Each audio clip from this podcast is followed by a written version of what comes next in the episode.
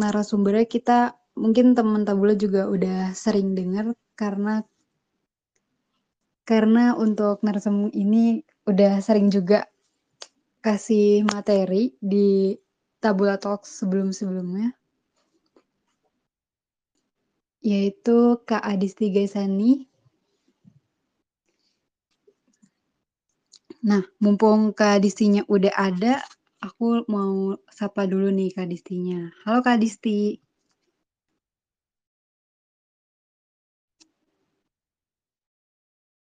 Wait, Kak. Halo Kak Disti. Halo, hai Devi, apa kabar teman-teman semuanya? Kabarku alhamdulillah baik. Kak Disti gimana Kak kabarnya hari ini? Alhamdulillah baik. Alhamdulillah. Kak Disti, kan hari ini kita mau ngebahas tentang apakah kita udah jadi diri sendiri dalam relasi. Nah, Mungkin, uh, aku pribadi atau mungkin ada teman tabula yang masih ngerasa, uh, apa sih sebenarnya gimana sih caranya menjadi diri sendiri dalam relasi gitu.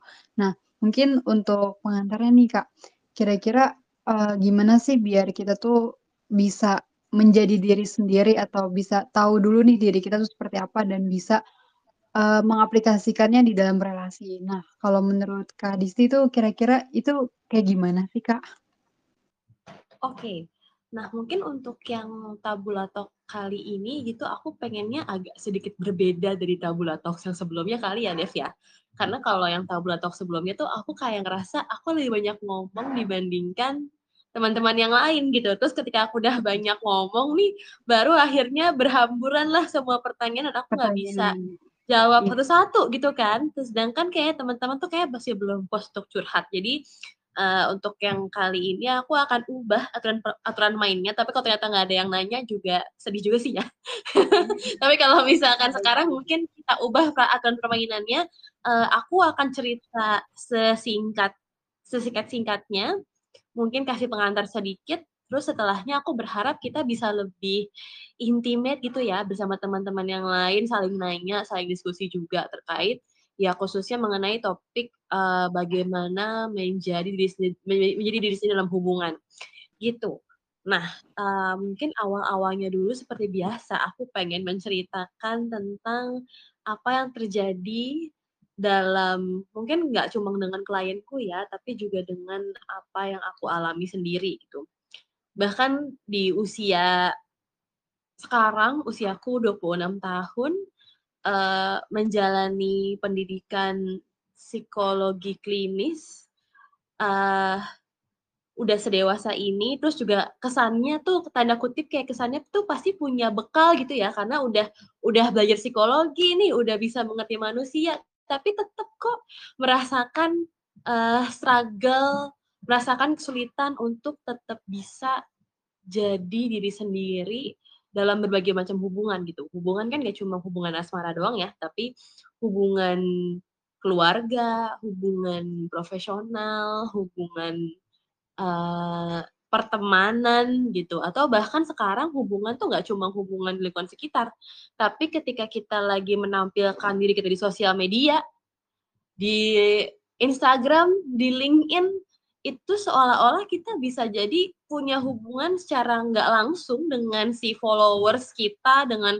orang-orang yang bahkan mungkin sebenarnya nggak kenal kita gitu, tapi kita ngerasa bahwa kok aku nggak bisa jadi diri aku ya? gitu, mau post ini takut dibilang uh, cringe, mau post ini uh, apa-apa dibilang pick me girl gitu. Apalagi kalau misalkan sekarang tuh, apalagi zaman sekarang gitu, ngepost video di TikTok lah, atau misalkan ngepost video di Reels, kita me mengeluarkan pendapat kita, itu pasti ada orang, misalkan kita pendapat kita tentang apa ya, se sereceh ada aku pernah lihat video gitu ya, Dev, ya, ada teman-teman semuanya, uh, ada satu video yang mengkomentari tentang Marvel gitu, tentang tentang film-film uh, dari dari divisi Marvel apa sih dari dari dari grup Marvel gitu. Nah, terus abis itu langsung di bawahnya komen-komennya langsung bilang bahwa emang deh yang si paling Marvel gitu, si paling ini, si paling itu. Kesannya tuh kita udah kayak nggak bisa mengeluarkan pendapat kita yang emang sebenarnya tanpa kita sebenarnya punya intensi apa-apa, tapi kan kita pengennya ya itu pendapat kita gitu, kenapa? Terus ketika kita pendapat itu, langsung dibilang si paling ini deh, si paling itu deh, atau nongkrong sama temen cowok dikit langsung dibilang, ih pick girl apa segala macam gitu. Jason Uwu gitu ada kalau misalkan di TikTok tuh kalau teman-teman yang suka main TikTok suka tuh ada ada trending-trending si Jason Uwu gitu yang bilang kalau misalnya itu pick me girl. Nah, jadi dari hubungan yang kita punya sekarang ternyata makin makin berkembangnya zaman, makin berkembangnya teknologi, makin bertambahnya usia, makin bertambahnya tuntutan, justru membuat kita jadi ke, jadi makin kehilangan, justru membuat kita semakin rentan untuk kehilangan diri kita sendiri dalam hubungan tersebut, gitu. Hubungan apa pun bahkan ya nggak cuma hubungan asmara doang sekarang hubungan dengan orang yang gak kita kenal tuh kita juga bisa kehilangan diri kita uh, kehilangan dengan diri kita juga dengan diri kita sendiri juga gitu mungkin hmm. teman-teman yang udah pernah uh, denger tabula talks aku gitu ya hadir di tabula talks aku yang mengenai loving enough dan loving too much perbedaannya seperti apa. Nah, ini mungkin adalah sequelnya dari dari dari uh, tabula toxic tersebut gitu. Karena memang ada bagian-bagian tentang loving enough dan loving too much yang berperan besar akan sejauh mana akhirnya kita rentan untuk kehilangan diri kita dalam hubungan, khususnya hubungan yang uh, udah intimate ya antara hubungan keluarga maupun hubungan asmara lah gitu dengan pacar kita, dengan suami kita, dengan ibu kita, dengan ayah kita gitu. Nah, seperti itu. Semua ini sebenarnya juga bukan hal yang tiba-tiba aku ketahui ya tentang pengetahuan ini karena dulu pas pertama-pertama kali aku menjalani kuliah psikologi, aku masih berpikirnya bahwa oh uh, dalam hubungan itu kita loh yang punya kendali untuk bisa melakukan empati. Apa pun yang terjadi dalam hubungan kita, pokoknya kuncinya adalah empati. Artinya kita nggak boleh egois, kita nggak boleh mau menang sendiri, kita harus bisa mengerti orang lain, kita harus bisa kesannya mengalah lah ya atau legowo dengan apa yang mungkin nggak bisa jadi kemauannya kita karena kemauannya orang lain khususnya orang yang dekat sama kita tuh uh, berbeda. Contohnya pas pertama-pertama kali aku masuk uh, psikologi saat S1 dulu mungkin sama mama aku juga aku aku tuh sama mama aku jujur aja ya aku sama mama aku sama papa aku tuh kadang-kadang suka berargumentasi gitu teman-teman ya gitu aku maunya apa tapi mama aku maunya apa aku mau apa tapi papa aku maunya apa terus akhirnya masuklah ke ke dunia psikologi barulah mengerti yang namanya konsep empati, konsep yang namanya bertanya gitu apa segala macamnya. Sehingga aku mikirnya oh ternyata harusnya aku bisa mengerti orang yang beda pemikiran daripada aku ya gitu. Seharusnya aku bisa memahami, menjustifikasi, menvalidasi, menerima semua perbedaan itu. Gitu tuh. Terus lama kelamaan akhirnya aku menerapkan hal itu dong sebagai seorang mahasiswa psikologi nih dengan tuntutan bahwa oh harusnya kalau misalkan calon psikolog harusnya tahu semua gitu. Harusnya kalau calon psikolog tuh uh, bisa nih untuk untuk uh, mengerti memahami orang lain. Tapi ternyata setelah bertahun-tahun belajar psikologi, setelah bertahun-tahun belajar psikologi dan akhirnya juga berhubungan dengan banyak orang dan makin uh, makin dekat dengan keluarga maupun dengan pasangan dengan umur yang terus bertambah dan tuntutan hidup makin bertambah terus pertumbuhan juga makin bertambah perbedaan-perbedaan value perubahan-perubahan value juga makin banyak akhirnya tindakan menerima pendapat yang berbeda dari aku tindakan untuk berempati untuk orang lain yang memiliki hubungan dengan aku rasanya sangat-sangat melelahkan gitu. Rasanya tuh kayak, eh ini gue udah empati loh ya.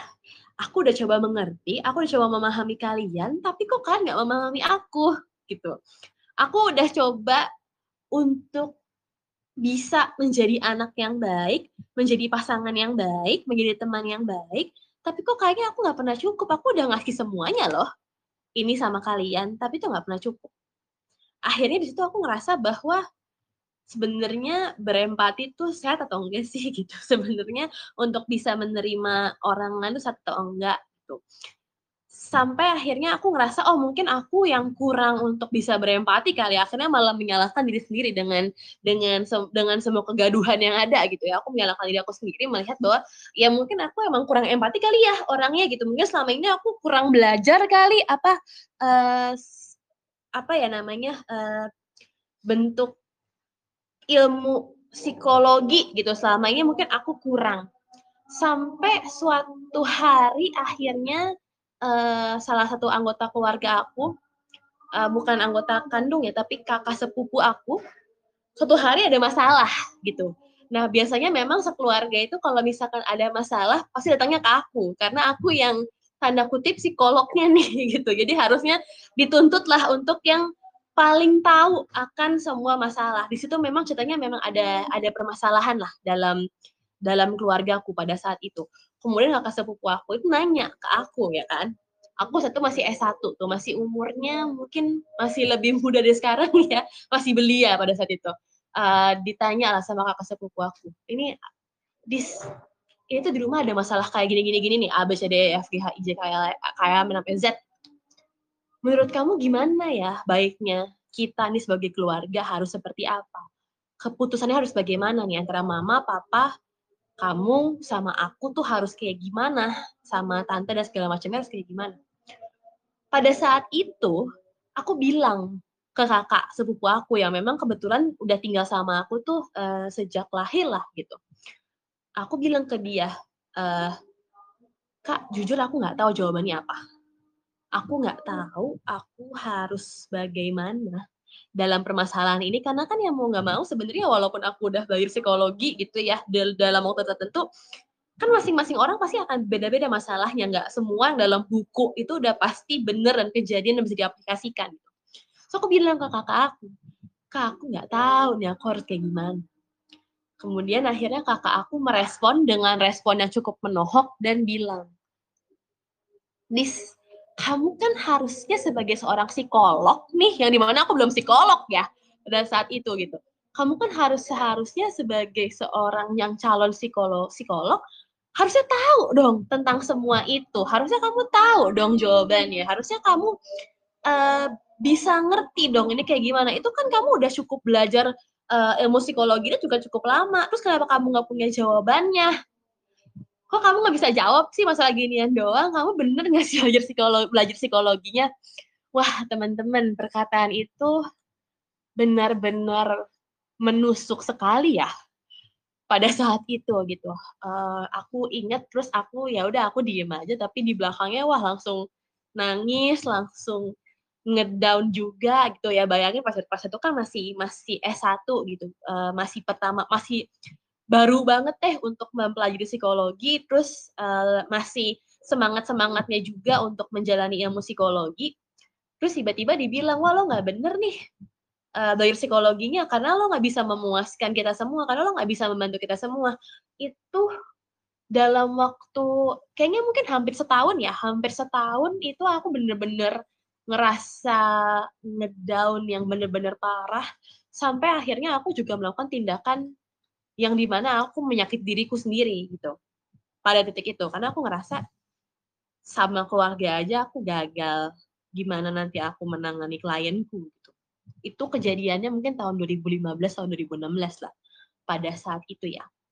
Kemudian akhirnya setelah setahun bergurumul dengan kesedihan itu aku tidak berani cerita ke siapa pun bahkan pas itu tuh karena takut kalau misalkan kita ke orang kayak takutnya orang lain bakal bilang kayak ya bener lah emang lo yang nggak ngerti ya tentang ilmu psikologi segala macam. Jadinya kurang nih untuk bisa untuk bisa membantu apalagi yang keluarga yang bukan menggunakan keluarga lo. Jadi akhirnya aku diem aja tuh selama satu tahun mendem sampai akhirnya aku uh, masuk ke sebuah mata kuliah mata kuliah psikologi klinis pada saat itu. Aku ingat salah satu dosen aku aku mungkin sebutin nama orangnya nggak apa-apa namanya Mas Widi karena dia nggak di sini juga gitu ya. Jadi sebenarnya nama aslinya nggak apa-apa. Namanya Mas Widi. Uh, dia men, ya dia, lagi bawain mata kuliah lah ya mata mata kuliah. Terus dia bilang cerita ke kita semua bahwa dia kayak nanya lah ke kita semua gitu. Padahal udah semester berapa tapi baru ditanyanya emang pas itu gitu. Tanya dia nanya. Karena itu uh, kayak pertemuan pertama bersama dia gitu. Terus dia nanya ke ke ke semua ke semua, eee, anak-anak di situ. Kalau nggak salah seperti ini kayak, eee, "Alasan kalian masuk psikologi itu apa sih?" Gitu. Terus kan pada ya jawablah ya, asal alasannya A, B, C, D, A, F, G gitu. Ya suka ilmu manusia, eee, suka dengerin curhat temen gitu. Terus ada juga yang mungkin, eee, pengen berobat jalan gitu, segala macam gitu. Terus akhirnya, eee, dosen aku dosen aku ini cerita, terus bilang bahwa, mmm memang ada anak psikologi, itu yang masuk ke psikologi untuk bisa menyembuhkan keluarganya mereka. Karena Mas, eee, Mas ini si si Mas dosen ini ngerasa bahwa, oh, eee, eh bukan ngerasa, tapi dengar cerita anak ini bahwa karena keluarganya lagi bermasalah, akhirnya dia ambil ilmu psikologi, dia belajar psikologi untuk bisa menyembuhkan keluarganya. Ternyata respon si W ini, si dosenku ini, cukup mengejutkanku karena dia bilang, Sebenarnya ketika kamu udah belajar psikologi, walaupun kamu udah belajar berapa tahun pun, kamu nggak akan pernah bisa dan nggak akan pernah bertanggung jawab untuk menyembuhkan keluarga kamu. Kenapa? Karena mereka bukan klien kamu. Pertama, keluarga ini adalah orang yang punya hubungan cukup erat dengan kita dan kemudian hubungan yang udah cukup erat ini, cukup intimate ini harus diubah ke hubungan profesional Kan nggak mungkin. Terus bagaimana caranya kamu bertanggung jawab untuk menyembuhkan, uh, keluarga kamu yang udah terbentuk sedemikian rupa dan mereka juga punya tanggung jawabnya sendiri untuk bisa bertumbuh dan berkembang, tiba-tiba kamu ganti perannya untuk bisa menyembuhkan mereka, nggak akan mungkin pernah terjadi. Yang bisa dilakukan adalah ya mendampingi dan memberikan rekomendasi yang mungkin bijak untuk pada saat itu dengan keluarga kita. Tapi untuk menyembuhkan itu nggak mungkin terjadi dan kamu nggak perlu dan nggak pernah bertanggung jawab untuk melakukan hal tersebut. Di titik itu selama satu tahun berjalan gitu ya uh, dengan kesedihanku dan segala macam. Di titik itu aku baru ngerasa bahwa oh ternyata I still have a chance untuk menjadi diriku sendiri untuk menjadi si Adisti yang masih belajar psikologi, masih berproses dengan ilmu-ilmu yang baru pertama kali dia serap, dan ketika baru pertama kali dia serap, dia nggak apa-apa loh untuk nggak punya jawaban, untuk nggak bisa memuaskan, untuk nggak bisa membahagiakan orang-orang di sekitarnya sesuai dengan orang-orang yang mau, karena untuk orang lain bahagia, itu bukan tanggung jawabnya dia itu rasanya sama satu tahun tuh luka-luka yang ada tuh cukup runtuh tuh teman-teman. Tapi sayangnya aku baru tahu ya tuh setahun kemudian gitu. Setelah aku udah melakukan tindakan-tindakan yang mungkin tidak bijak kepada diriku sendiri bahkan menghukum diriku sendiri apa segala macamnya tapi aku akhirnya baru baru baru memahami hanya dengan satu kalimat itu aja dan aku sangat-sangat berterima kasih kepada dia dan aku nggak pernah bilang berterima aku nggak pernah bilang terima kasih ke dia secara langsung ya. Makanya aku menyebutkan namanya karena aku sangat apresiasi uh, dosenku ini. Karena itu salah satu titik balik aku merasa bahwa ya aku berterima kasih dengan dosenku juga tapi titik balik bahwa I still could be myself kok dalam hubungan aku sedekat apa pun gitu. Setinggi apa pun nilai yang dimiliki dalam sebuah hubungan ya apalagi hubungan keluarga ya yang kita kita tahu sendiri gitu kalau hubungan keluarga tuh harus jadi anak yang berbakti. Salah sedikit dibilang anak yang durhaka apa segala macam ibu ke anak pun juga kayak gitu gitu. Uh, ibu harus sempurna anaknya ada salah sedikit ibunya disalahin segala macamnya setinggi apa pun nilai yang dipunyai dalam hubungan tersebut ternyata selalu ada celah dan selalu ada ruang untuk kita tetap masih bisa berproses dengan semua salahnya kita, dengan semua kurangnya kita, dengan semua ketidakbaikannya kita untuk tetap bertumbuh dengan diri kita sendiri dalam hubungan tersebut gitu. Dan kalau misalnya orang orang tersebut gak bahagia dengan kita ya memang bukan tanggung jawab kita walaupun kita bertanggung jawab sepenuhnya dengan perilaku kita terhadap dirinya mereka gitu ya. Tetap tetap kita bertanggung jawab dengan impact yang mungkin akan kita berikan tapi kita nggak bertanggung jawab dengan uh, sebahagia mana mereka atau seberapa sembuh mereka seharusnya gitu. Nah menurutku hal ini aku sangat bersyukur mendapatkan pengalaman tersebut gitu ya. Uh, karena pada akhirnya sangat berguna banget ketika aku bertemu dengan klien-klienku selanjutnya gitu.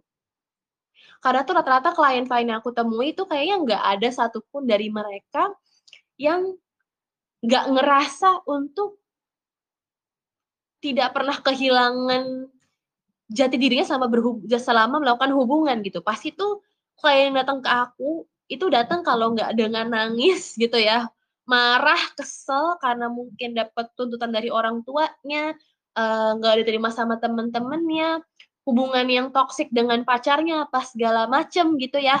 Mau putus tapi nggak bisa-bisa pasti semua ada ber, bermasalah di bagaimana kehilangan identitas dalam diri ketika, ketika menjalani hubungan. Pasti semua di sana tapi karena dengan pengalaman itu aku sadar bahwa sebenarnya selalu ada ruang kok untuk kita bisa menjadi diri kita sendiri. Karena dalam hubungan sebenarnya skill atau kemampuan yang paling dibutuhkan itu bukan komunikasi yang asertif, bukan cuman empati. Ya di mana komunikasi asertif sama uh, empati sangat-sangat penting juga teman-teman ya, tapi nyawanya ternyata tuh bukan hanya di itu. Ada namanya konsep yang baru-baru ini aku temui baru-baru aku temui ini dan di mana aku juga lakukan untuk penelitian aku juga nama konsepnya adalah diferensiasi diri. Jadi diferensiasi diri itu adalah kemampuan seseorang untuk bisa memisahkan antara kebutuhan diri dia dengan orang lain, antara antara apa pun yang dia miliki dalam dirinya sendiri gitu ya, baik pemikiran, nilai, perasaan, segala macamnya dengan apa pun yang dimiliki oleh orang lain, pemikiran, perasaan, dan segala macam yang orang lain punya, yang di mana itu kita nggak bisa sentuh gitu. Nah, kemampuan diferensiasi diri inilah yang membantu kita untuk tetap bisa bertahan supaya kita tetap bisa jadi diri sendiri gitu. Walaupun mungkin banyak tuntutan yang kita hadapi dari orang lain. Dalam kemampuan diferensiasi diri ini kita bisa yang pertama adalah memisahkan pemikiran sama perasaannya kita. Sering gak sih teman-teman tuh misalkan sama pacar lah ya gitu. Uh, berantem nih misalkan berantemnya karena apa sih? Kalian itu sering berantemnya. Kalau aku sering berantemnya misalkan pacarku malam-malam kalau misalkan lagi teleponan padahal aku lagi pengen curhat eh dia ketiduran gitu misalkan kayak gitu. Nah itu kan tiba-tiba bisa jadi kita marah ya walaupun sebenarnya itu biasa aja. Maksudnya sebenarnya itu juga kita juga mesti memahami kalau misalkan dia lelah tapi kadang-kadang ketika kita nggak bisa memisahkan mana mana mana pikiran kita mana mana perasaan kita akhirnya yang keluar adalah nuduh. Yang keluar adalah kita ngerasa, ih kok nggak perhatian banget sih? Kok nggak sensitif banget sih? Aku kan lagi mau cerita, eh kamu malah tidur enak-enaknya gitu. Di situ tuh antara thinking sama feeling itu tuh nyatu. Padahal sebenarnya yang terjadi adalah uh, kalau kamu bilang pacar itu nggak ngertiin kamu, itu adalah uh, bentuk pemikiran kamu yang akhirnya mempengaruhi perasaanmu karena kamu berpikir hal-hal yang hal yang sebenarnya belum tentu terjadi. Jadi you thought that your boyfriend doesn't care about you, so you feel apa ya, kamu merasa direndahkan gitu, kamu merasa uh, neglect, di, neglect, kamu merasa lonely dan segala macamnya. Nah, itu tuh harus dipisahin. Kamu harus tahu dulu apa sih sebenarnya aku pikirin.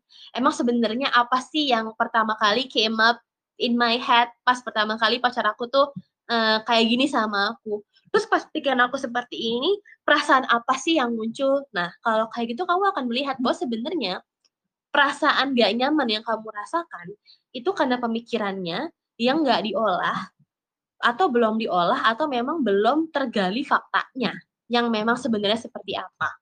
Nah, itu uh, kemampuan yang pertama. Kemudian adalah dalam diferensiasi diri juga ada kemampuan dalam memisahkan mana yang memang tanggung jawabku dan mana yang memang tanggung jawabmu. Seringkali khususnya kita sebagai pasangan maupun anak maupun siapa pun pasti dalam hubungan kita tuh pengennya orang yang berhubungan sama kita tuh pasti bahagia sama kita. Kita pengen pacar kita bahagia sama kita. Supaya apa? Supaya dia nggak selingkuh.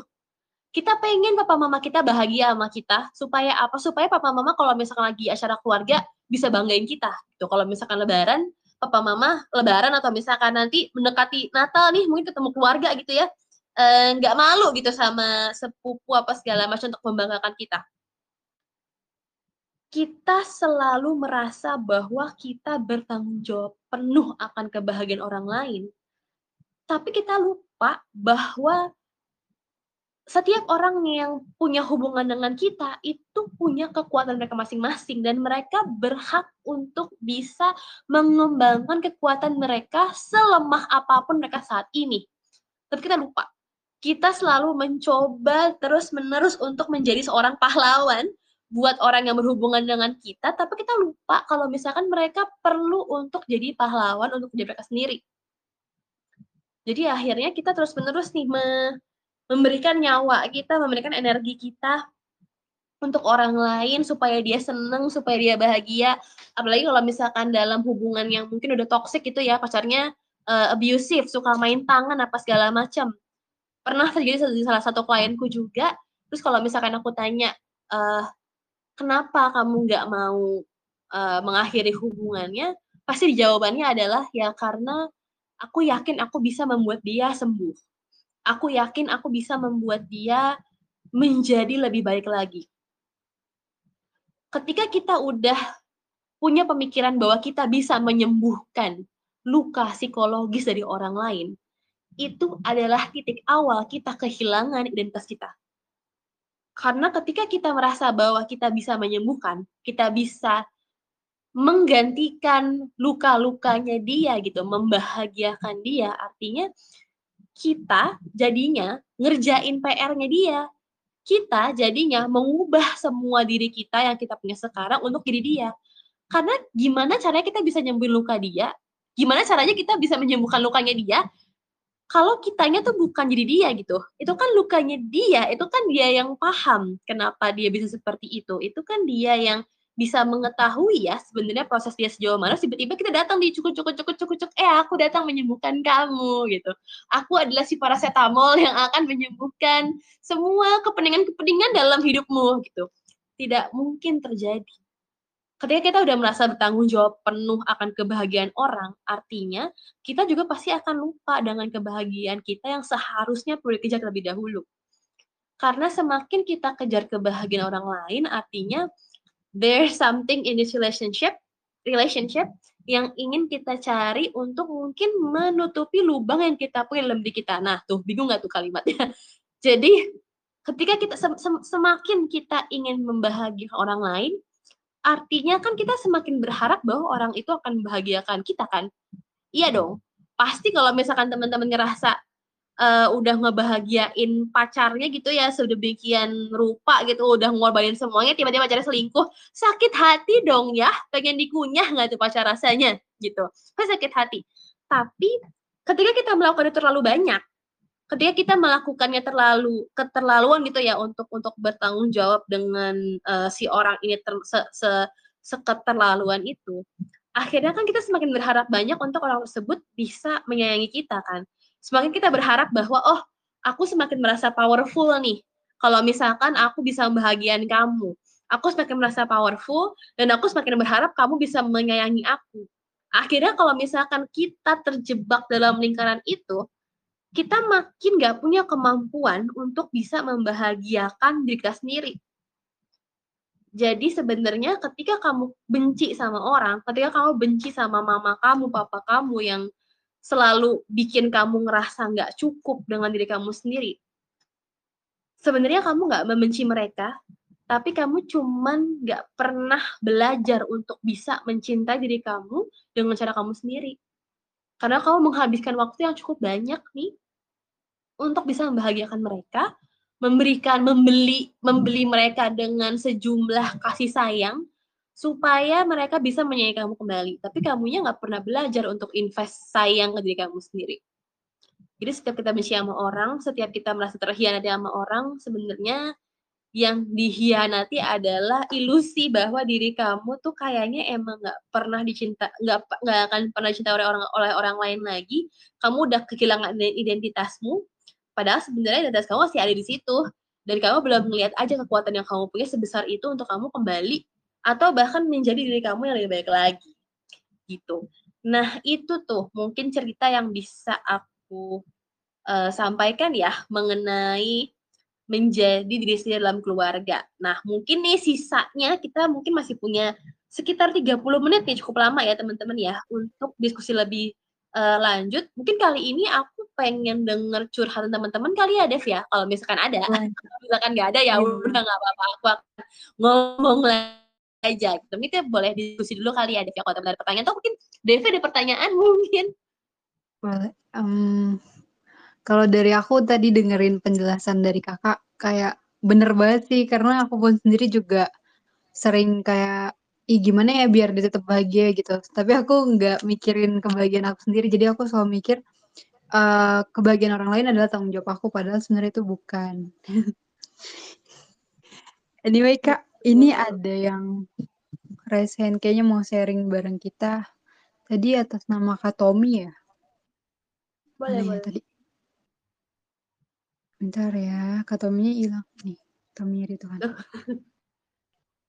Oke. Halo Kak Tommy. Halo. Halo, halo. Halo. Uh, ya, Kak Tommy mau cerita apa nih? Iya. Eh, first time aku ikut uh, acara teman Tambula ya. Tapi ya hanya sharing aja sih. Sebetulnya selain kemampuan itu ada ini enggak sih Kak? Apa namanya istilahnya? yang pernah aku dengar tuh individuasi. Oke, okay. uh, eh, sebelumnya untuk Tommy welcome ya. Ini sebagai tabula talk pertama kamu. Semoga aku tidak memberikan impresi yang uh, tidak baik ya buat kamu ya. Tapi tapi welcome dan thank you untuk, untuk pertanyaannya. Uh, itu uh, sama sharing aja sih. Hmm. Oke. Okay. Sebenarnya benar uh. banget sih kalau terkait apa namanya itu aku lebih nangkapnya ini aku sebagai orang awam ya guys maaf ya sebagai orang awam gitu jadi kayak yang lebih ku tangkap di sini kemampuan untuk memposisikan diri lagi ya gitu ya dalam hal berelasi baik ke keluarga ke teman ataupun ke pasangan gitu ya itu sebetulnya jadi PR sih jadi kayak dulu aku pernah kayak punya teman sekampus gitu kan uh, teman seperjuangan gitu. Dari semester awal sampai skripsi lah. Ya bagi teman-teman kampus yang sudah semester akhir pasti relate lah gitu kan. Teman dari awal gitu. Nah tapi uh, sedekat-dekatnya kami tuh pernah ada kayak uh, suatu kejadian di mana kita tuh kayak tiba-tiba jadi kayak renggang gara-gara uh, kita tuh nggak bisa apa ya terlalu ngulik pribadi lah gitu. Di situ aku kayak nggak uh, ada baiknya kita kayak uh, apa namanya memasang posisi diri lagi sebagai teman gitu. Ada hal yang nggak boleh diungkit gitu dari hal personal kayak gitu. Seperti itu. Kayak hal kecil aja kayak misalnya uh, kamu ngapain gitu kan? Apa namanya kok ke daki gunung gitu apa apa ya ini ini apa apa terus tiba-tiba jadi ya perdebatan gitu. Seperti itu. Nah dari situ ya insight yang aku dapat tuh ya itu aja sih kak. Kemampuan untuk memposisikan diri lagi sih oh aku hanya sekedar temannya ya jadi kayak aku harus pasang batasan lagi kayak gitu. Hmm oke okay, oke. Okay. berarti lebih ke arah membangun batasan gitu ya membangun boundaries untuk diri sendiri seperti itu ya? Seperti iya benar oke sip thank you Tommy untuk sharingnya nah tata ini aku menyangkut pertanyaan kamu tadi ya, itu selain diferensiasi, apakah individuasi itu uh, juga dibutuhkan? Sebenarnya bisa dibilang individuasinya sendiri sih bagian dari bagian dari diferensiasinya sih sebenarnya. Kalau misalkan individuasi artinya kan kita tapi individuasi itu kayak level yang paling dasarnya sebelum akhirnya dia bisa mencapai kemampuan diferensiasi. Karena kalau misalnya kemampuan diferensiasi itu yang udah levelnya udah lebih atas karena dia udah mencakup bagaimana dia bisa menyamakan bukan menyamakan ya tapi iya ada jarak antara pemikiran kamu sama pemikiran-pemikiran aku tapi bukan berarti pemikiran kamu tuh juga tidak matters gitu kalau individuasi artinya kan adanya usaha akan seseorang untuk dia bisa menjadi individu seutuhnya, terlepas dari nilai yang orang lain punya. Nah, tapi kalau misalkan diferensiasi, itu adalah berarti nggak cuma memisahkan diri, tapi juga bisa memisahkan mana pikiran, mana perasaan yang dirasakan, sehingga bisa melihat uh, suatu situasi secara lebih objektif. gitu. Nah, individuasi ini perlu dilakukan, tapi kalau misalkan terlalu banyak atau misalkan terlalu dia fokus sama individual individunya sendiri, itu juga jadinya uh, bumerang. Kalau misalkan terlalu banyak individuasinya, karena apa? Kalau misalkan terlalu individualis banget nih, tapi nggak mau untuk menjalin koneksi atau misalkan untuk menjalin uh, menjalin hubungan orang lain, nggak mau berempati, nggak mau untuk bisa memahami orang lain itu kan sebenarnya juga jadinya bumerang baik ke diri sendiri maupun ke orang lain. Karena pada dasarnya kebutuhan manusia itu ada dua. Yang paling dasar itu kebutuhan otonomi, yaitu menjadi individu secara seutuhnya, uh, menjadi diri sendiri secara seutuhnya, terlepas dari nilai atau tuntutan dari orang lain. Dan yang kedua adalah uh, kebutuhan untuk berelasi atau kebutuhan untuk berkoneksi. Kedua kebutuhannya seharusnya seimbang. Kalau misalkan dia hanya sendiri aja, itu dia nggak akan hidup dengan damai juga gitu. Kita nggak bisa hidup dengan cukup baik, kita akan merasa kesepian mungkin.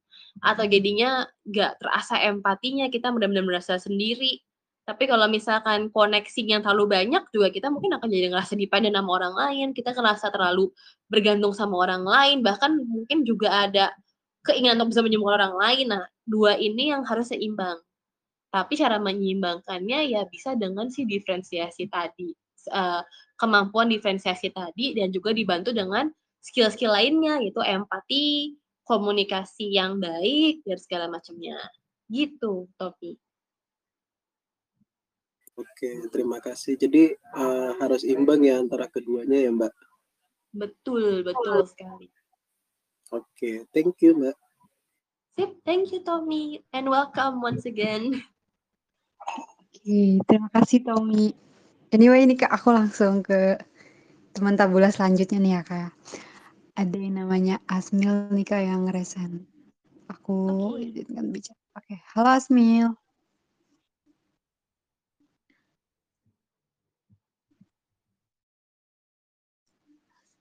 Mungkin kayak lagi. Kak. Halo. Suara Halo. saya kedengeran nggak ya? Kedengeran. Oke deh, makasih. Makasih sebelumnya Kak. Uh, ini sebenarnya aku mau nanya sih, bukan sharing. boleh, kan boleh. ya? Boleh dong. Ya, oke. Um, aku uh, aku setuju banget sih Kak dengan yang uh, tadi Kakak ngomong ya, bahwa kita tuh sebenarnya nggak bisa uh, menyenangkan semua orang ya.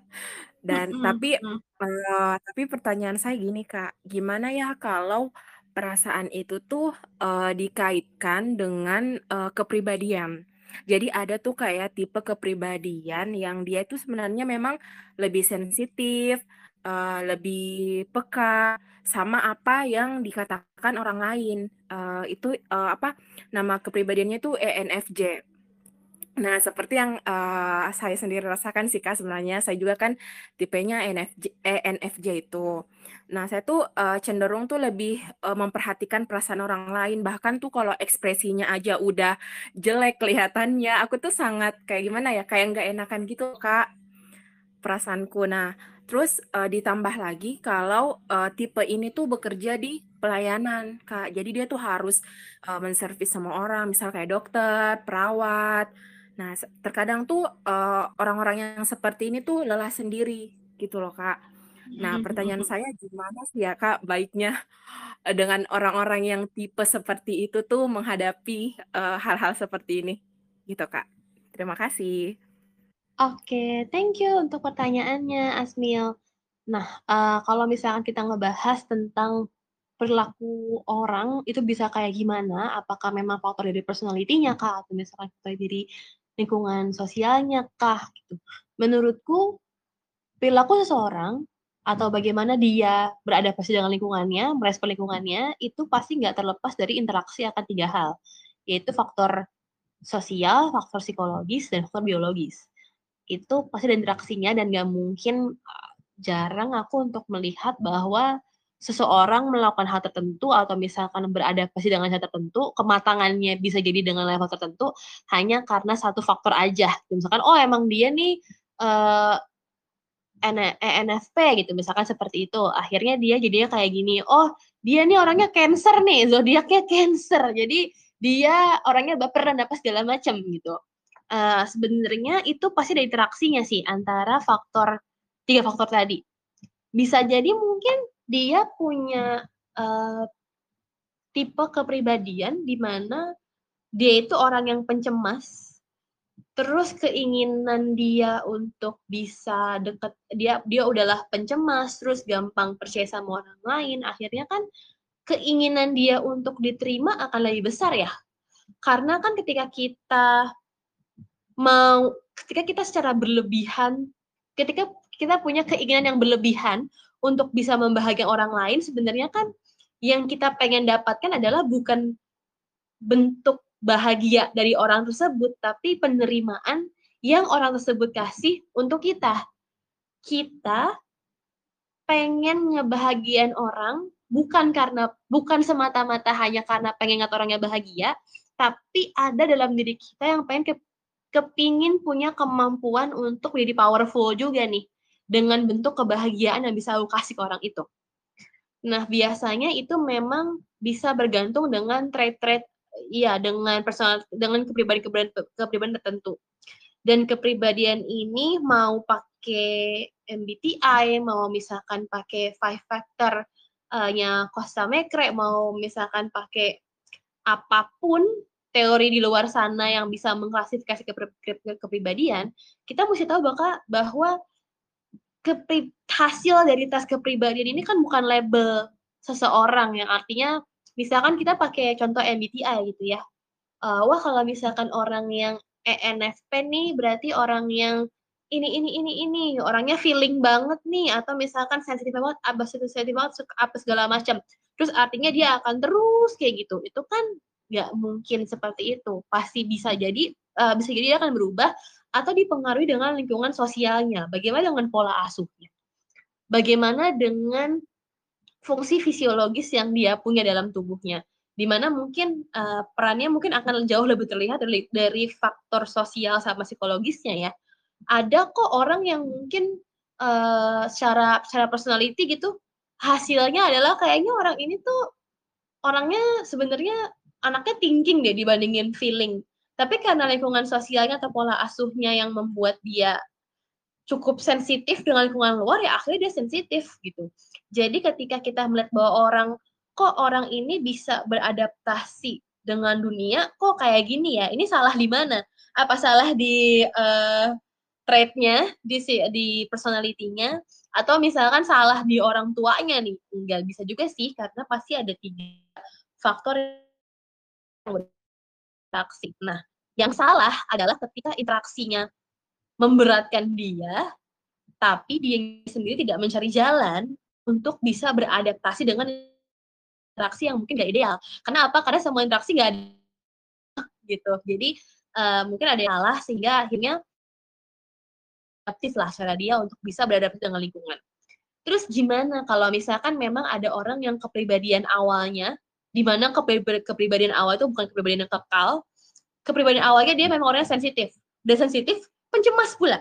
Terus abis itu uh, achievement strivingnya juga cukup tinggi gitu. Keinginan untuk keinginan untuk apa ya, untuk punya achievementnya tuh cukup tinggi. Terus gimana sama orang ini untuk dia bisa melakukan diferensiasi diri untuk tetap diri sendiri gitu.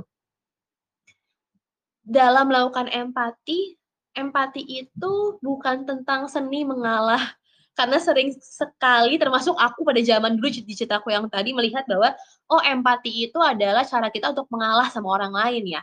Padahal definisi empati itu sangat-sangat jauh dari yang namanya mengalah.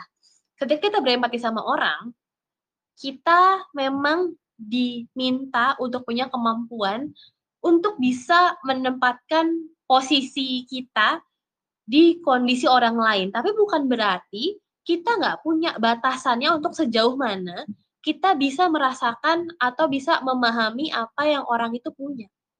Dalam empati juga ada yang namanya emotional boundaries. Itu adalah batasan emosional. Seberapa kita secara objektif untuk memisahkan mana yang jadi perasaannya dia, mana yang jadi perasaannya kita. Ada teman kita sedih, diputus sama pacarnya.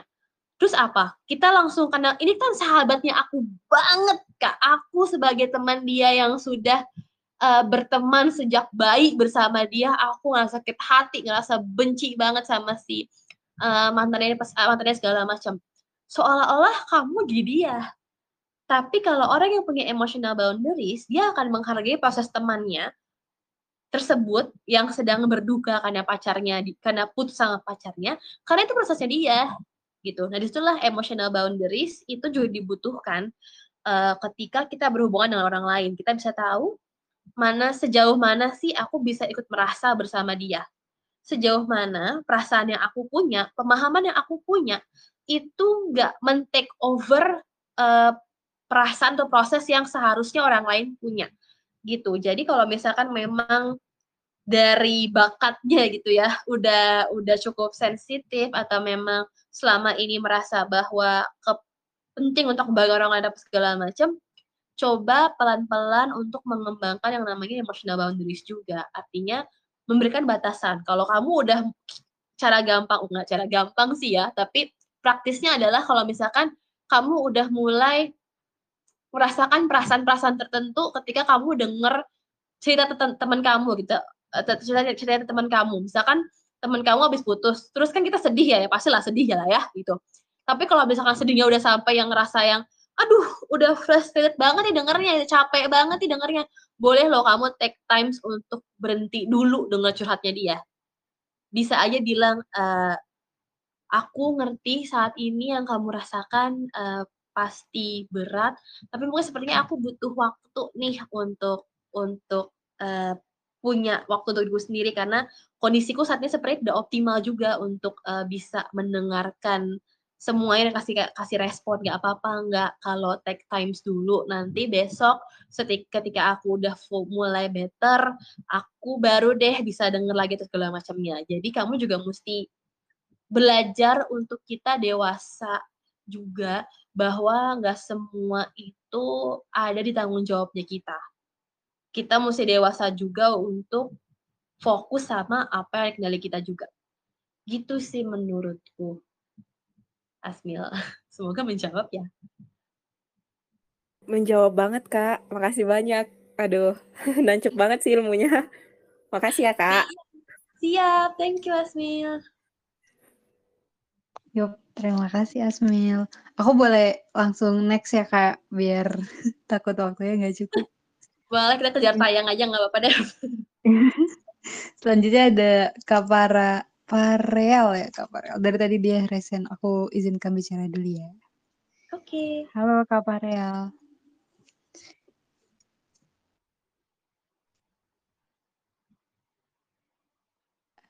Halo Kak.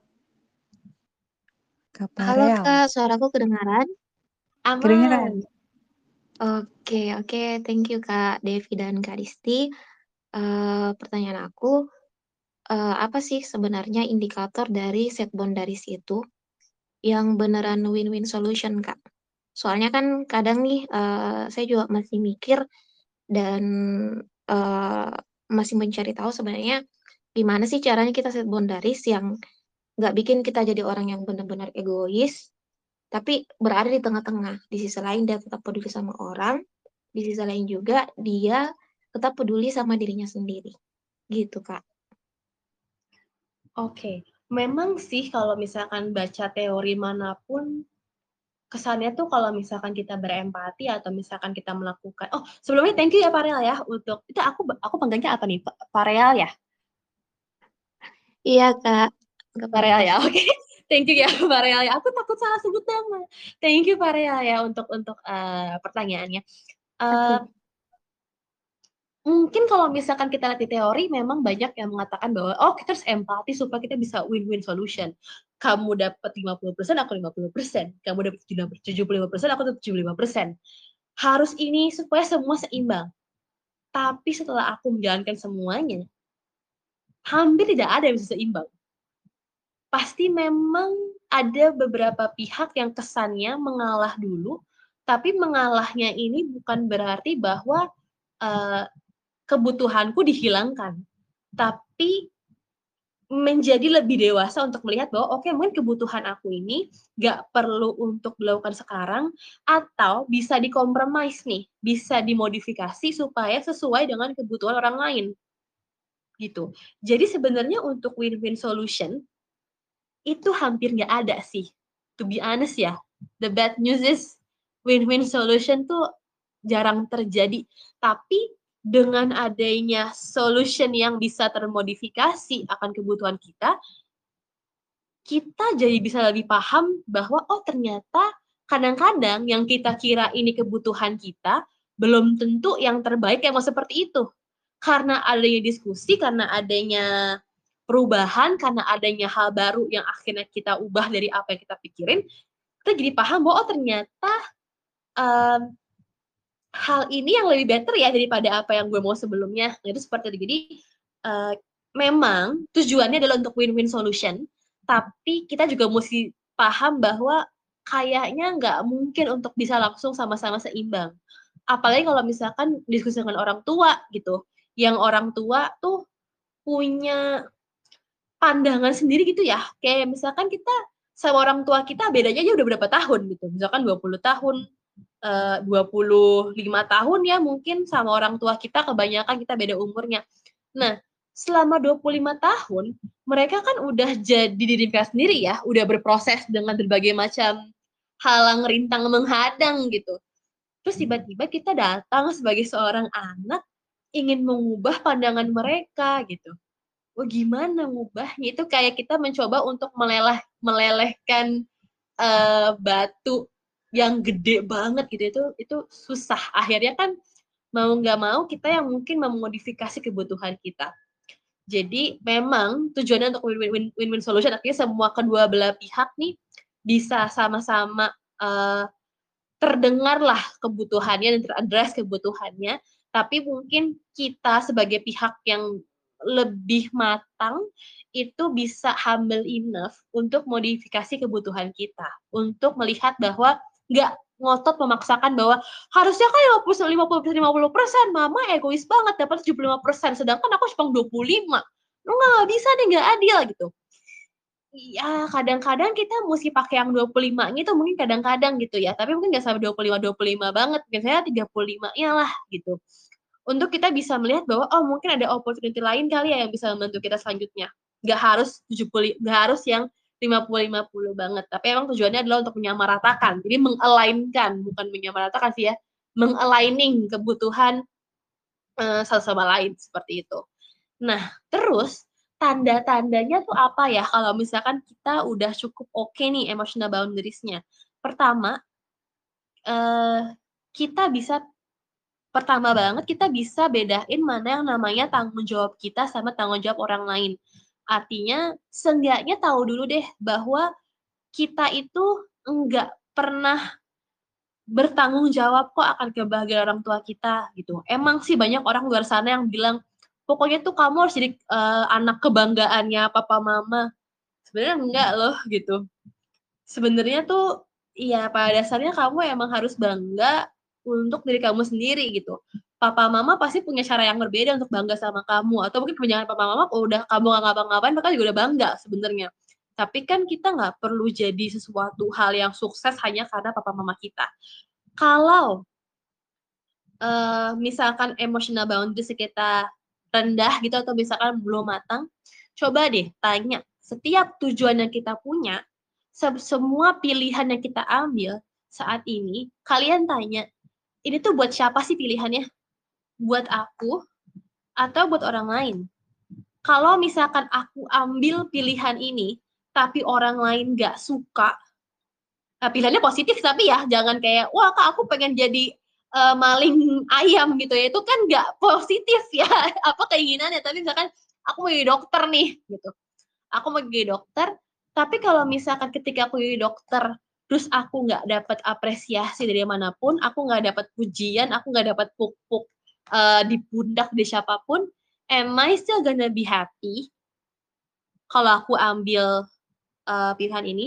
Kalau jawabannya adalah happy, ya mungkin berarti kamu udah tahu tuh bahwa ini yang aku mau, bukan bukan karena papa mama mau aku jadi dokter. Tapi kalau misalkan jawabannya adalah, ya aku lagi dokter tapi nggak ada yang kasih aku hadiah, nggak ada yang uh, say congratulation ke aku. Nah berarti itu boundaries kamu masih goyah tuh, masih masih rapuh banget. Karena apa? Karena yang kamu lakukan masih buat orang lain gitu. Nah, terus uh, mungkin yang berikutnya adalah kalau misalkan tanda-tandanya ya gampang baper gitu.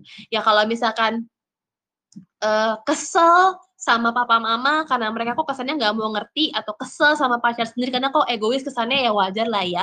Tapi kalau misalkan sampai menghukum diri sendiri atau misalkan sampai ngerasa bahwa uh, diri kita nggak ada gunanya ya kayak cerita aku tadi gitu ya ketika kakak sepupu aku bilang bahwa ih kok kamu nggak tahu sih jawabannya gitu kamu kok psikologi gitu terus aku sampai uh, doing harmful thing to myself Nah, itu tanda-tanda bahwa emotional boundaries juga rendah gitu. Intinya kalau emotional boundaries kamu cukup tinggi, pertama, tujuan yang kamu punya bukan untuk bahagian orang lain, tapi untuk bahagian kamu sendiri.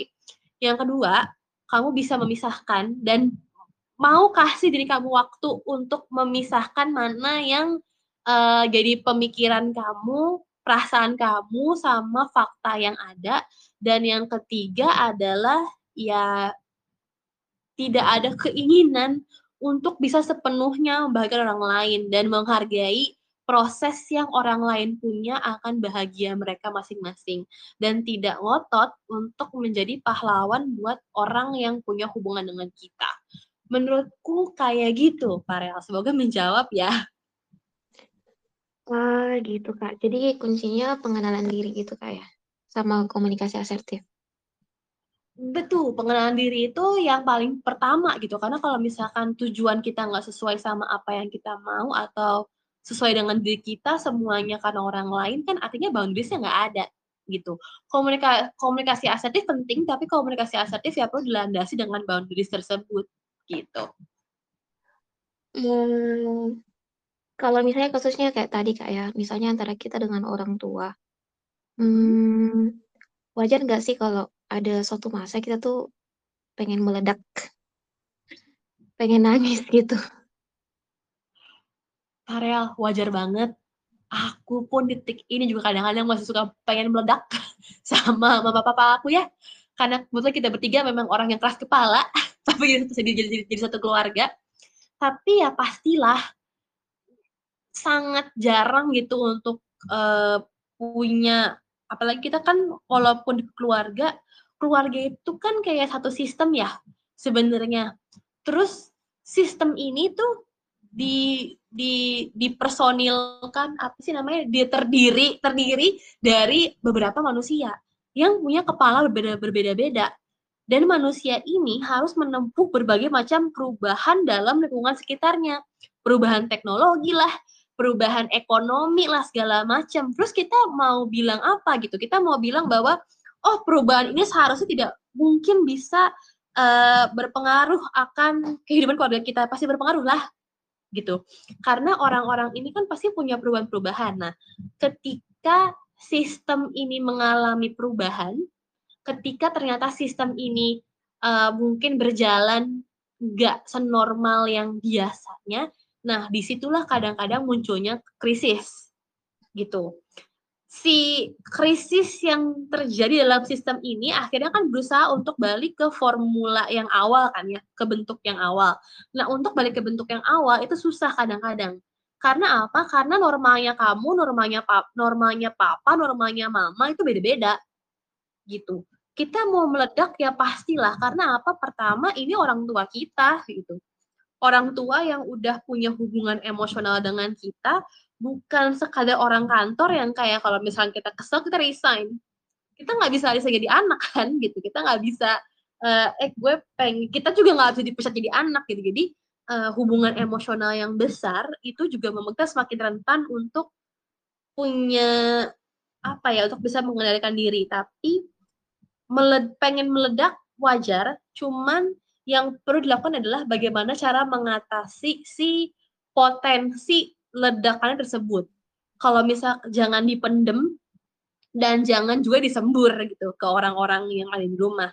Tapi coba diolah, coba dilihat sebenarnya akarnya seperti apa, yang secara objektif seperti apa. Dan kalau memang saat ini tuntutannya cukup-cukup besar banget, sehingga kalau butuh orang ketiga gitu atau orang kedua, boleh misalkan cerita ke teman, seenggaknya untuk mengeluarkan semua unek-uneknya, mengeluarkan semua sakit hatinya, atau mungkin butuh bantuan profesional juga boleh ke psikolog, konselor, untuk seenggaknya membantu kita untuk melihat situasi lebih objektif gitu. Karena kalau lagi meledak kan si emosinya nih yang lagi gede banget. Tapi bagian untuk kita bisa melihat secara objektifnya itu ketekan banget sama emosinya. Jadi emang butuh untuk dikeluarkan tapi ke orang yang tepat. Bisa teman yang tepat ya, teman yang nggak akan ngejudge kita, atau yang paling tepat adalah yang tenaga profesional, psikolog maupun konselor. Tapi untuk semua perasaan yang kamu punya dalam keluarga kamu, semau meledak apa pun kamu, sampai mau nangis atau apa pun itu, wajar banget, Farel. Gitu. Uh, gitu kak. Ini ada last questionnya kak. Misalnya kita apa habis nangis nih, uh, follow up-nya itu misalnya kita nggak mau minta tolong sama orang. Kalau dari Kak Disti sendiri tuh kayak gimana? Misalnya kita pengen sama diri sendiri aja, nggak sama teman atau uh, psikolog. Oke. Cara ya. Eh, ada lagi cara kok aku. nenangin dirinya kak. Oh oke okay, oke. Okay. Ini mohon maaf ya sinyalku rada-rada aneh. Jadi kalau misalkan aku nggak sengaja memotong pertanyaan kamu, aku minta maaf ya Parel ya. Ada lagi yang mau ditambahin? Tadi nggak kedengarannya. Kenapa? Kenapa? Tadi nggak kedengaran pertanyaanku kak. Uh, kedengeran kok, aman-aman. Ada yang mau tambahin lagi nggak? Takutnya aku uh, potong. Uh, iya kak, apa uh, caranya untuk uh, mengcoping uh, perasaan habis nangisnya selain minta tolong sama orang lain gitu kak ada nggak? Oke, pertanyaanku apa yang bikin kamu nggak mau minta tolong? Itu mungkin nggak perlu dijawab sekarang. Aku akan membiarkan itu menjadi satu refleksi diri untuk kamu sendiri. Karena emang banyak orang-orang yang memilih untuk ya udah simpan sendiri dulu deh, nggak mau cerita dulu deh ke orang lain gitu. Apa nih yang buat kita ragu untuk minta tolong ke orang lain? Apakah ketakutan untuk uh, mungkin dapat judgement dari luar apa segala macam di mana itu wajar? Itu yang pertama. Kedua, oke, okay, misalkan belum berani nih untuk cerita ke orang lain, nggak apa-apa. Pengen dealing sama diri sendiri kita harus tahu bahwa semua perasaan yang kita nangis, semua perasaan yang nggak nyaman, itu kita nggak bisa pendem, tapi harus dikeluarin. Karena dengan si perasaan untuk keluar adalah salah satu cara untuk bisa menenangkan si perasaan tersebut. Kalau misalkan kita pendem, sedihnya kita, marahnya kita, itu dia bukannya hilang malah makin gede. Jadi tuh perasaan gak nyaman tuh ibarat kayak virus COVID ya teman-teman ya. Kalau misalkan di udara yang uh, terbuka dia mungkin lama-lama akan menghilang nggak juga sebenarnya. Mungkin kayak ya kayak virus tertentu ya yang kayak kalau misalkan kita biarkan di luar dia bisa hilang. Tapi kalau misalkan masuk kita pendam di kita ya makin lama dia makin uh, menjalar ke hal-hal dalam diri kita. Oke belum belum berani untuk ngomong ke orang lain. Mau ke diri sendiri. Nah kalau misalkan mau ke diri sendiri kita mesti cari metode yang bisa ngebantu kita untuk bisa ngejabarin semua hal yang kita rasain saat ini gitu.